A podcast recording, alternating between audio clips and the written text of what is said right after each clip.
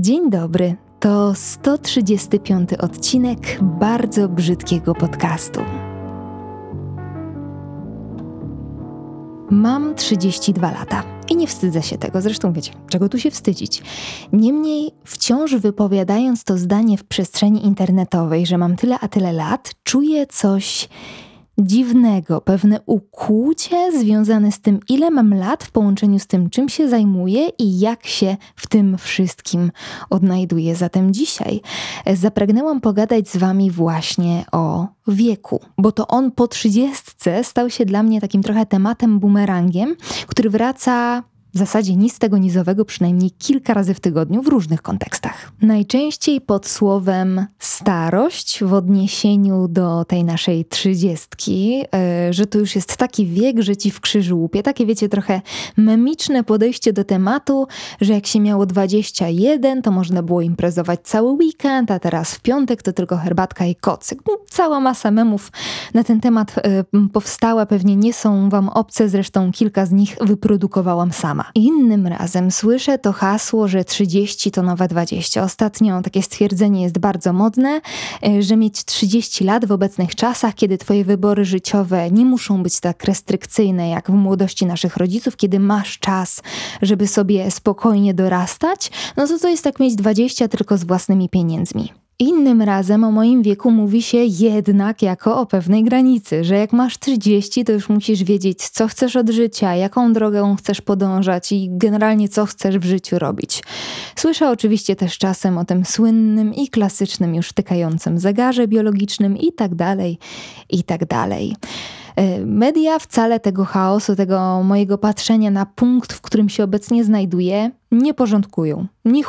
W szczególności media społecznościowe, bo kurde, no mam wrażenie, że wszyscy tam są młodsi ode mnie. E, wiecie, młodsi, lepsi, ładniejsi, bardziej obrotni, a na dokładkę codziennie dostaję wiadomości na Instagramie zaczynające się od co prawda jestem 12 lat młodsza od ciebie, ale... I rzecz jasna, tym słowom nie przypisuję żadnych złych intencji. Te wiadomości są o tym, że dzieli nas różnica wieku, ale w gruncie rzeczy mamy ze sobą wiele wspólnego. Niemniej wciąż jestem 12 lat starsza. O, albo te wiadomości, w których czytam, że fajnie wiedzieć, że w tym wieku też można czuć się młodo. Pamiętam, jak rok temu nagrywałam moich znajomych, jak tańczymy i wygłupiamy się mm, na poprawinach naszych przyjaciół, i dostałam wiadomość, która brzmiała: Dzięki tobie wiem, że w tym wieku też można poszaleć. I wiecie, w pierwszym momencie na usta ciśnie się takie co, proszę? No a później zaczynam się zastanawiać, czy może faktycznie przekroczyłam Rubikon. Może coś przegapiłam, może, może faktycznie kiedyś mogłam i już nie mogę. Może właśnie stopniowo przesuwam się coraz niżej i niżej, zostawiając ze sobą tę górkę, z której nie skorzystałam tak jak powinnam. Bo im dłużej żyję, tym bardziej świat próbuje mi udowodnić, że przefrajerzyłam, że mogłam więcej i lepiej, a teraz już koniec. Może faktycznie jestem już stara, a jeśli jestem, no to kurde, jak sobie z tą myślą radzić, skoro mam przed sobą jeszcze tyle życia w tej starości? I jeśli ja jestem stara, to co z osobami ode mnie starszymi? Zatem dzisiaj chciałabym porozmawiać z Wami właśnie o tym. O wieku i jego granicach, o dyskryminacji, strachu przed starością, podwójnych standardach, dojrzałości i o tym, czy, czy faktycznie jesteśmy już starzy, czy jednak jest to myśl, którą wbrew naszej woli ktoś nam w tych głowach umieścił. Początkowo myślałam, że ten odcinek nagram y, właśnie dla osób w moim wieku, tych przekraczających trzydziestkę i starszych, y, ale teraz dochodzę do wniosku, że ten mój bełkocik dzisiejszy jest w zasadzie dla wszystkich. Niezależnie od wieku, bo ta granica y, fajnego wieku wciąż się przesuwa. Wierzcie mi lub nie, ale prawie codziennie słyszę od Was frazę jeszcze nie chcę się zestarzeć albo boję się zestarzeć. I z przerażeniem w pewnej chwili odkrywam, że ta dwudziestoparoletnia osoba, która napisała do mnie wiadomość, wcale nie mówi o osiemdziesiątce czy dziewięćdziesiątce, tylko trzydziestce lub czterdziestce. A media zrobią wszystko, żeby ten strach podsycać. Zresztą media, popkultura sama w sobie, idźmy dalej, literatura na przykład, która podrzuca nam od maleńkości, od pierwszych lat życia piękne, młode księżniczki, których losowi zagraża zła, stara, brzydka wiedźma. To wszystko robi swoje. Niemniej, gdybym miała opowiadać o tym moim obecnym punkcie i Hmm, miejscu, w którym w zasadzie wszyscy tkwimy, i ja, która do Was mówię, i Wy, którzy mnie w tym momencie słuchacie, to taką gwiazdą festiwalu grozy kreowanego przez media jest przemysł beauty, który na tę młodość stawia jak świat długi i szeroki. Wiecie, młodość równa się piękno od zawsze, na zawsze i szczerze powiedziawszy nie wiem, czy cokolwiek da się z tym fantem zrobić, bo oprócz naszych własnych przekonań istnieje również biologia. Jakkolwiek nieromantycznie to zabrzmi, nasza atrakcyjność określa płodność i czy się chcemy rozmnażać, czy nie, to cechy, na które zwracamy uwagę w pierwszym momencie, które uznajemy za atrakcyjne, fizycznie atrakcyjne, są również oznakami płodności, a młody wygląd jest niczym innym jak znakiem, że nasz obiekt westchnień zwyczajnie nadaje się do wydania lub spłodzenia zdrowego potomstwa. I ja wiem oczywiście, że istnieją odstępstwa, bo zaraz mi napiszecie, że u mnie jest inaczej. Oczywiście, ludziom podobają się różne rzeczy. Czasem na przykład zachwyt nad intelektem bierze górę i nic z tym nie zrobisz. Ale w takim bardzo, bardzo ogólnym rozrachunku matka natura zachęca nas na wszystkie możliwe sposoby do tego, żebyśmy przedłużyli nasz nędzny gatunek. A kiedy jest najlepszy czas, żeby się rozmnażać z tego biologicznego punktu widzenia? No jak się jest młodym. Poza tym, wbrew myśli, która nasuwa mi się jako pierwsza w tych rozważaniach, potrzeba bycia pięknym i młodym to nie jest żaden instagramowy wymysł, choć oczywiście do Instagrama i współczesności sobie jeszcze dzisiaj wrócimy, ale ta nasza gonitwa za młodością nie jest tak naprawdę niczym nowym. Wystarczy sobie zerknąć na przykład na takie dawne portrety, bo przecież portrety malarskie zamawiane przez wyższe sfery za niemałe pieniądze nie były niczym innym innym jak czyjąś upiększoną podobizną. Tu nie zmieniło się absolutnie nic. Jaki jest wniosek z tych obserwacji? Ano twarze niemal niemowlęce, gładkie, bardzo delikatne, y, przesadnie okrągłe, bez najmniejszej nawet zmarszczki. Od razu mi się przypominają y, te wszystkie dokumenty, w których naukowcy ujawniają prawdziwe oblicze jakiejś tam królowej czy króla na przykład, na podstawie ich szczątków. To jest dopiero Photoshop. Oczywiście w tak zwanym realu też walka o młodość jest zacięta od zawsze i pewnie na zawsze. E, na przykład bardzo długo kobiety używały kremów z rtęcią albo pudrów z ołowiem, które miały zapewnić im jasne, gładkie lico, na dłuższą metę uzyskując efekt oczywiście odwrotny do zamierzonego. E, w XIV wieku kobiety upuszczały sobie krew, żeby skóra wydawała się bledsza, a mniej więcej w podobnym czasie ktoś jeszcze stwierdził, że krople do oczu strującego kwiatka, który się nazywa belladonna, to się jeszcze w ogóle nazywa amaryllis, możecie sobie wygooglować, bo to bardzo ładne kwiatuszki, niemniej trujące. No, no to ktoś wymyślił, że ta belladonna jest świetnym pomysłem na odmłodzenie wyglądu, bo kropelki z niej uzyskane rozszerzały źrenice, więc oczy zdawały się większe, zatem piękniejsze, bo młodsze. Albo na przykład taka XIX-wieczna Lola Montes w swojej książce The Art of Beauty pisała o arszenikowych kąpielach, które sprawiały, że skóra była tak biała, że niemal przeźroczysta przeźroczysta. Finału takich praktyk też się możecie domyślać i ich opis nadaje się bardziej chyba do bardzo strasznego niż bardzo brzydkiego podcastu. I oczywiście można się za głowę łapać, że jakie to głupie, jakie to zacofane, ale ja naprawdę będę się upierać, że nasi przodkowie wcale nie byli głupsi od nas. Byliśmy i jesteśmy bardzo podobni. Jesteśmy dokładnie tym samym gatunkiem. Wiecie, jakby się dobrze nad tym zastanowić, to ileż różnych eksperymentów robią współczesne nam kobiety. I jestem pewna, że przyszłe pokolenia też będą robić wielkie oczy, słuchając o naszych zabiegach upiększających. I okej, okay, może dzięki pewnym obostrzeniom już nie musimy wklepywać w policzki rtęci, niemniej, jakby się dobrze nad tym zastanowić, to często w mniejszym lub większym stopniu ryzykujemy. Wiecie, przed każdym, e, prawie każdym zabiegiem w gabinecie medycyny estetycznej podpisuje się jakiś cyrograf, więc jest nawet z bardzo popularnymi zabiegami związane pewne ryzyko, które za jakiś czas, jestem w 100% przekonana, będzie szokować kolejne pokolenia. A do tego wszystkiego na dokładkę, ulegając przeróżnym obietnicom, wydajemy na różne mazidła i zabiegi małą fortunę. Oczywiście uogólniam i używam takich okrągłych określeń z tą małą fortuną, e, no bo niestety nie udało mi się dokopać do takich jednogłośnych statystyk. Niemniej nawet patrząc po sobie, czy własnych znajomych, czy w ogóle tym całym pędzie za urodą i młodością w internecie, no kurde, lubimy inwestować w własną gębę, a wszystko po to, żeby wyglądać właśnie młodo, lub młodziej. I to nie jest miejsce, w którym te tendencje potępię lub pochwalę w sposób jednoznaczny, tylko po prostu stwierdzam, że lubimy o siebie dbać od zawsze i na zawsze, bo ja naprawdę nie przypuszczam, żeby cokolwiek się w tej materii zmieniło. Ostatnio to jest trochę taki off-top, e, ale też dotyczy wyglądu, więc jest ściśle powiązany również z tą naszą gonitwą za młodością. E, według przeprowadzonych badań, pomimo tego całego pitolenia o ciało pozytywności, w naszych głowach statystycznie, uwaga, uwaga, nie zmieniło się absolutnie nic, jest tak samo źle, tylko po prostu inaczej wyrażamy te nasze niepokoje i przeczytam Wam teraz fragment posta z profilu Queerowy Feminizm. Oczywiście wszystkie źródła znajdziecie w opisie tego odcinka. Teraz zamiast mówić, jest mi trudno z tym, jak wygląda moje ciało, chcę, żeby wyglądało inaczej, dlatego odchudzam się i ćwiczę, mówimy: Kocham swoje ciało takim, jakim jest, akceptuję jego niedoskonałości, a ćwiczę i odchudzam się dla zdrowia.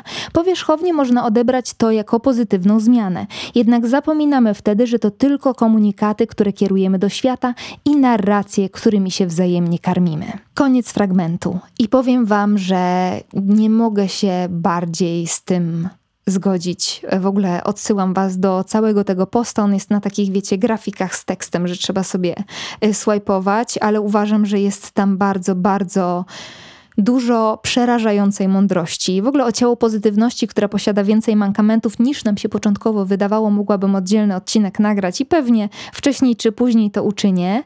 E, a tutaj tylko tak um, o niej wspominam odrobinkę, żeby wam w pewnym sensie udowodnić, że tak naprawdę nie dzieje się nic. Jesteśmy cały czas tacy sami. Zdawało nam się tylko i mi również, że jesteśmy w przededniu jakiejś urodowej rewolucji, która okazała się w rzeczywistości reklamową wydmuszką. Przynajmniej ja dochodzę do takich wniosków po nieco bardziej wnikliwej obserwacji obecnych trendów, po moim absolutnym wpatrzeniu w ideę ciało pozytywności przez wiele, wiele lat i tego, co dzieje się teraz, tego, jak ubieramy nasze myśli w słowa, jak na, na te słowa sama uważam w przestrzeni internetowej i co tak naprawdę myślę o sobie, kiedy nikt nie patrzy.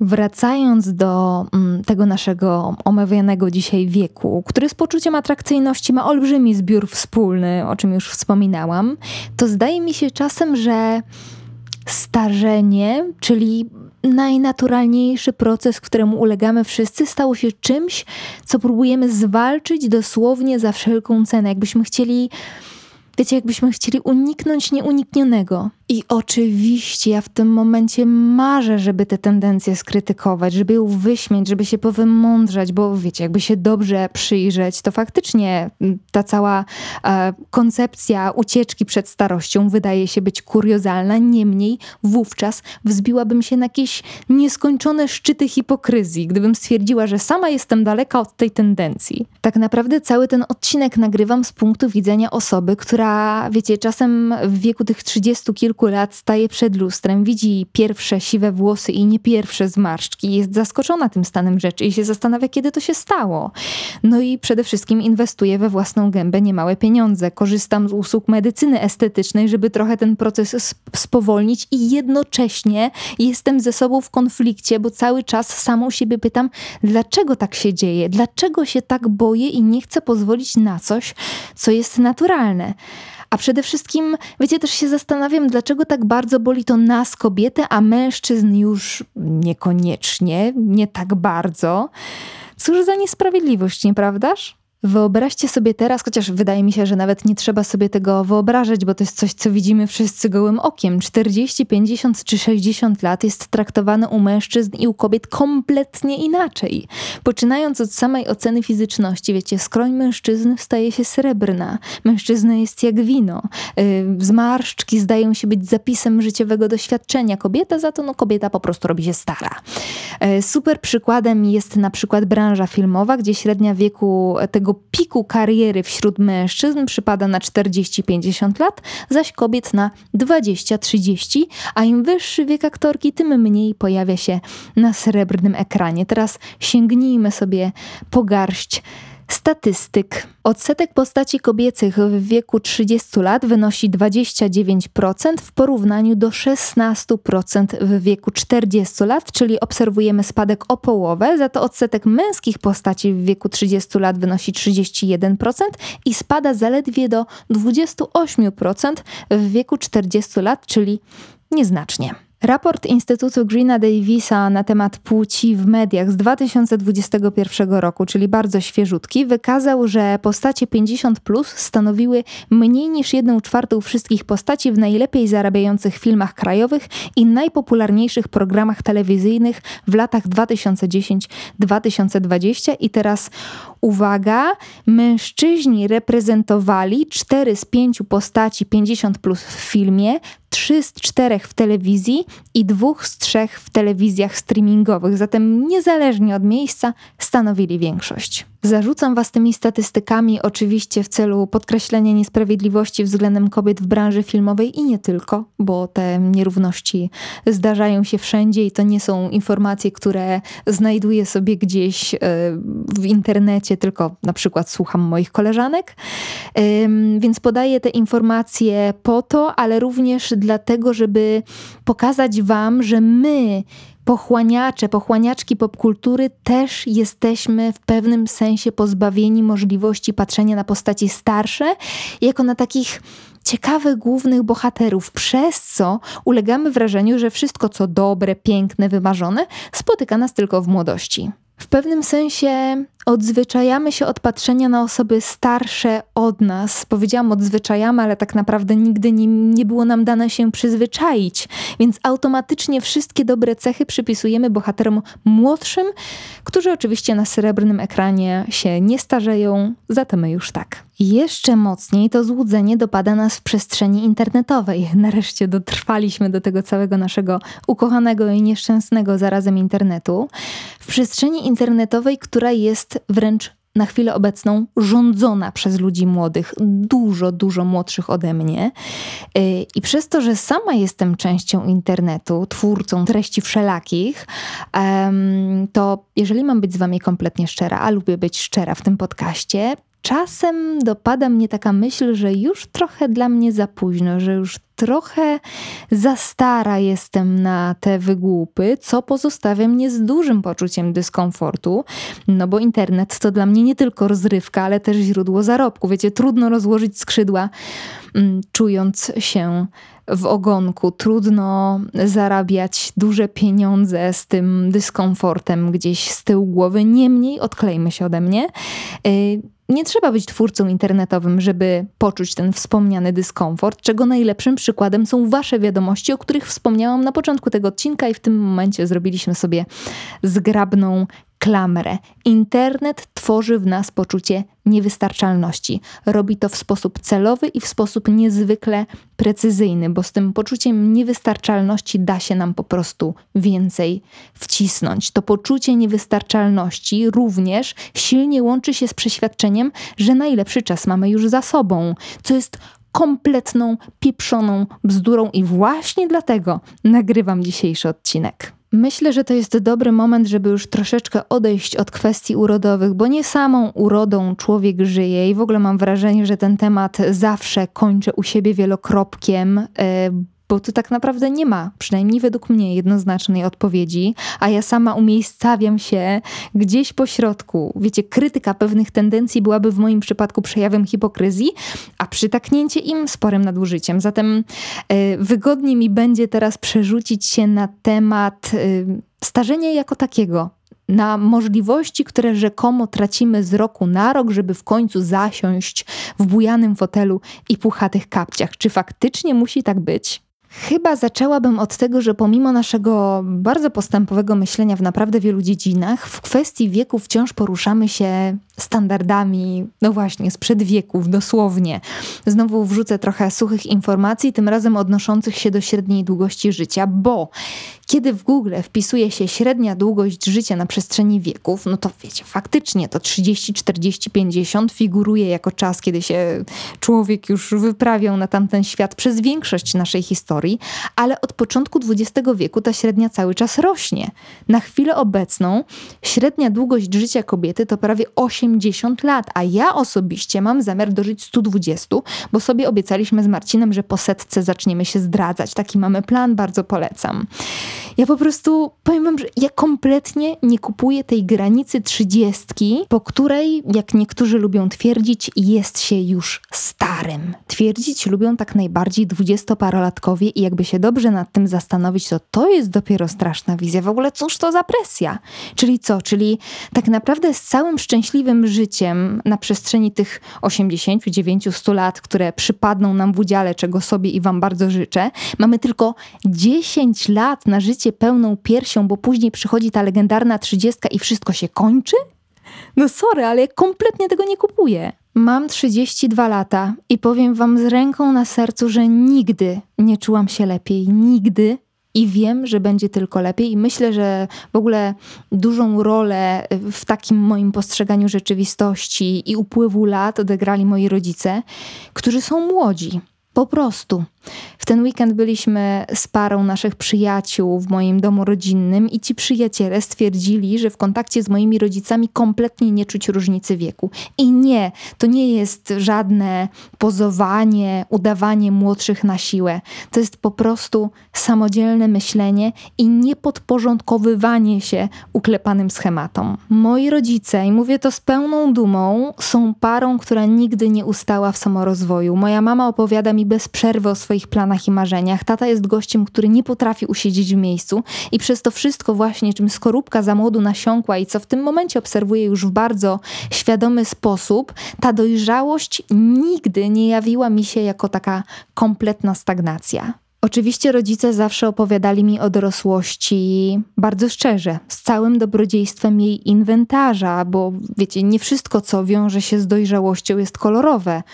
Y, od pewnych odcieni szarości, boże jak poetycko, jak na przykład od przemijania naszych bliskich nie uciekniemy, a to przemijanie wiąże się z upływem lat. Od naszego własnego przemijania też zresztą nie uciekniemy, ale skoro ma nam się w pewnym momencie urwać film, to dlaczego mamy się nie cieszyć z tego, co jest teraz, niezależnie od wieku? Właśnie sobie przesłuchałam ten fragment, który usłyszeliście przed chwilą i zabrzmiał on trochę naiwnie być może, trochę jak z reklamy protez albo leku na reumatyzm z tym całym cieszeniem się niezależnie od wieku, ale kompletnie serio i ja mam w nosie życie przeszłością i wypominaniem sobie ile mogłam zrobić przed trzydziestką. W nosie mam postrzeganie mojego obecnego wieku jako czegoś gorszego od liczby z dwójką z przodu. Czy naprawdę wszyscy dwudziestolatkowie obecnie wiodą życie jak z Instagrama? Czy, czy coś się zmieniło przez tych kilka lat? No kurczę, nie sądzę. Ja po prostu, słuchajcie, nie rozumiem dlaczego, i mówię teraz za siebie, chociaż wiem, że jest to powszechne zjawisko, dlaczego dałam się wciągnąć, pochłonąć jakiejś takiej presji upływu czasu. Ja naprawdę nie chcę czuć się gorsza tylko dlatego, że nie trafiłam na okładkę Forbesa przed trzydziestką, ani nie chcę się ograniczać w moim pędzie, bo teraz prym wiedzie generacja Z. Generacja Z, słuchajcie, za chwilę okaże się passe. Przyjdzie kolejna i kolejna i kolejna, której wydawać się będzie, że nigdy się nie zestarzeje, a prawda jest taka, że nam wszystkim bez wyjątku przyjdzie wyjechać nogami do przodu wcześniej czy później, więc znowu po co mamy oglądać się za siebie? Czy to nie jest marnowanie czasu? Tak, byłam młodsza. Tak, nie miałam zmarszczek i być może mogłam ten czas wykorzystać lepiej, ale teraz z tą wiedzą chcę zrobić wszystko, żeby, żebym za 10, 20, 30, 40, 50 lat z tej 30-paroletniej Igi była dumna. Tak po prostu. Jesteśmy młodzi, kochani. Życie jest dopiero przed nami, więc nie pozostaje nam nic innego jak żyć. I tyle. Powiedziałam. A teraz uciekam. Do usłyszenia. Całuję. Cześć.